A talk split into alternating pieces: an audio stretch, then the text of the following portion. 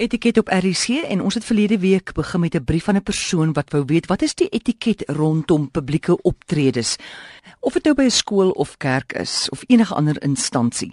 Nathaniel het genoem dat dit so belangrik is dat jy 'n kontrak het waar jy stipuleer wat jou behoeftes is en so help dit ook die organiseerder om met 'n pen en papier rond te loop voor die tyd om alles af te merk om te kyk of dit in orde is.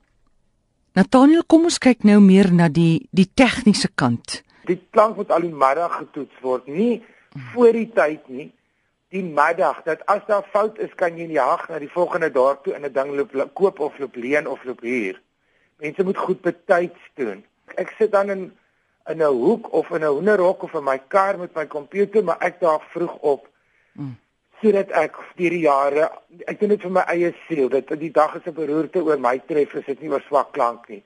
Dat ek alles kan red wat te redde is vir die gaste. En kom en dan sal ek daar agter vir my môre se werk gaan sit en doen of my e-mails beantwoord of iets doen in 'n privaat hoekie net om my lewe te red. Maar dit bly moeilik. Ek het 'n vriendin ook, sy's 'n koskenner wat ook gereeld vir sy wil mal word oor wat mense en veral dit mense vat ook 'n kans te staan ek sing. Mm. Ek doen dit vir 'n show, ek doen 'n show of ek doen 'n praatjie of ek gaan doen oor kos of so.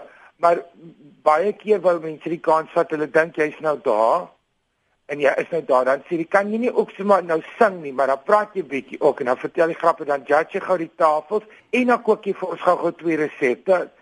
Seën 'n baba Lady Hoeksteen spit die eerste boom se wortels in en maak se maak en takkie op die dorp ook. Dis dan dan sê ek nie, ek doen net een ding. Ja. ja. Klomp goed is kom in klaar.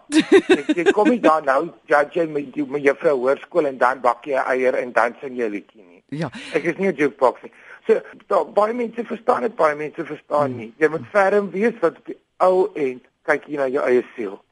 Gou vinnig daai ding oor aan die tafel sit voor die tyd. Ek wil my stem opwarm hmm, en ek sit nie aan 'n tafel nie, maar een kyk almal die hele tyd na jou. Ek dit maak my gespanne kyk jy altyd en hulle praat klap. Kyk hy sê hy's nie so dik soos op TV nie. Kyk so ja, daai nekvel moet hom nou 'n bietjie laat kry. Moet 'n baie mooi horlosie. Hy maak seker baie jy sy kar gesien. So my sinewies is op. Of jy sit langs 'n dame wat op haar dorp beklei het om langs jou te sit. En dan wil weet hoe kom as jou seun snaaks hy's 'n vliegtuig wat het ek daarmee te doen. Jy weet so. So vir my siel, ek is nie daar vir dit nie. Dit is nie onbeskof nie. Ek kan nie kuier met mense nie. Ek het skaars tyd vir my familie en my vriende. So ek is daar om te werk en ek is daar om my gedagtes bymekaar te kry mm. om te, om 'n outfit te kom om my gesig te verf om stil te raak voor ek opstap en al al my rotinetjies te doen. Mm. Dit is dieselfde ding jy vra nie vir 'n dokter kom drink gou met my glas wyn en dan opereer jy my nie. Vir 'n atleet kom vir ek gou halwe koek by my tafel of 'n naartjie om my baan nie. Elkeen doen sy werk en het sy eie privaatheid nodig om sy hoe hy kom by die punt wat op verhoog staan. Nathaniel, vertel my van jou nuwe storieboek. Ja, 150 stories is nou net uit. Wat gebeur het in Suid-Afrika? Werk dit nou maar so dat tensy jy sê jy lang en oefen is of Shakespeare, kan hulle nie al jou boeke op die rak hou nie. Die winkels het net soveel rakspasie en ek weet die baie publishers betaal nog geld om op 'n rak te staan en al goed. So elke keer as jy 'n nuwe boek uitbring, dan vat hulle een van jou weg. Maar mense begin nie goed versamel so ses van my vorige boeke soos Rubber en Oopmond en Maria Maria en Tuesday en When I Was vra mense gereeld voor. Elke tweede drama student of as dit vir kindjie wil 'n storie loop vertel, dit is voorgeskryf in sekere leerplanne en goed. Toe besluit ons maar kom ons bring dit uit. Ons maak dit bekostigbaar, ons sit dit in 'n vrolike boek en ek sit 'n paar nuwe stories by en dit maak 'n perfekte Kersgeskenk.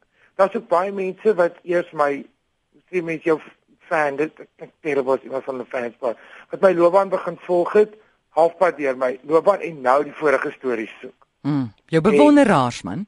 En en so ja, maar ek ek gehoor, jou gehoor. So ek raak kry ek jou net vleis iemand op TV sou en ek sê ek my fan, as ek ek weet jy is jou fan, so dis maar net dadelik kar het gebreek. Maar so daai stories is nou uit en dit is 'n lekker kompakte boek en en hy lees maklik. Ek het nou die dag self die eerste hoofstuk gelees weer want ek het vergeet van daai goed van die stories is 20 jaar terug geskryf, hoe ek toe geskryf het en my bek was vuil jong, ek kan dit nie glo nie. Mense dink nou my bek is vuil, jy moet daai boek se eerste deel lees. Dan raak dit nou al 'n bietjie bejaard en digter en ordentlik soos die boek aangaan. Wat is die boek se naam? 150 stories. O, Omdat dit Engels en Afrikaans en ek kan nie aan 'n titel dink. uh, Dit dink ek maar dit is wat dit is.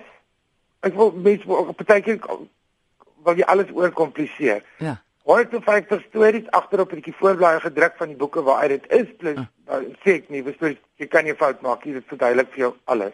Goed. Uh, Is hy nou op die rak en wie gee hom Hy uit? is dit elke rak behalwe nog by die garage in Irene is hy oral beskikbaar. En wie gee dit uit? NB uitgewers. Ek is al 16 boeke lank by hulle. Goed, gaan kry vir jou 'n 150 stories van Nathaniel. Hy's op die rak. Ideale Kersgeskenk.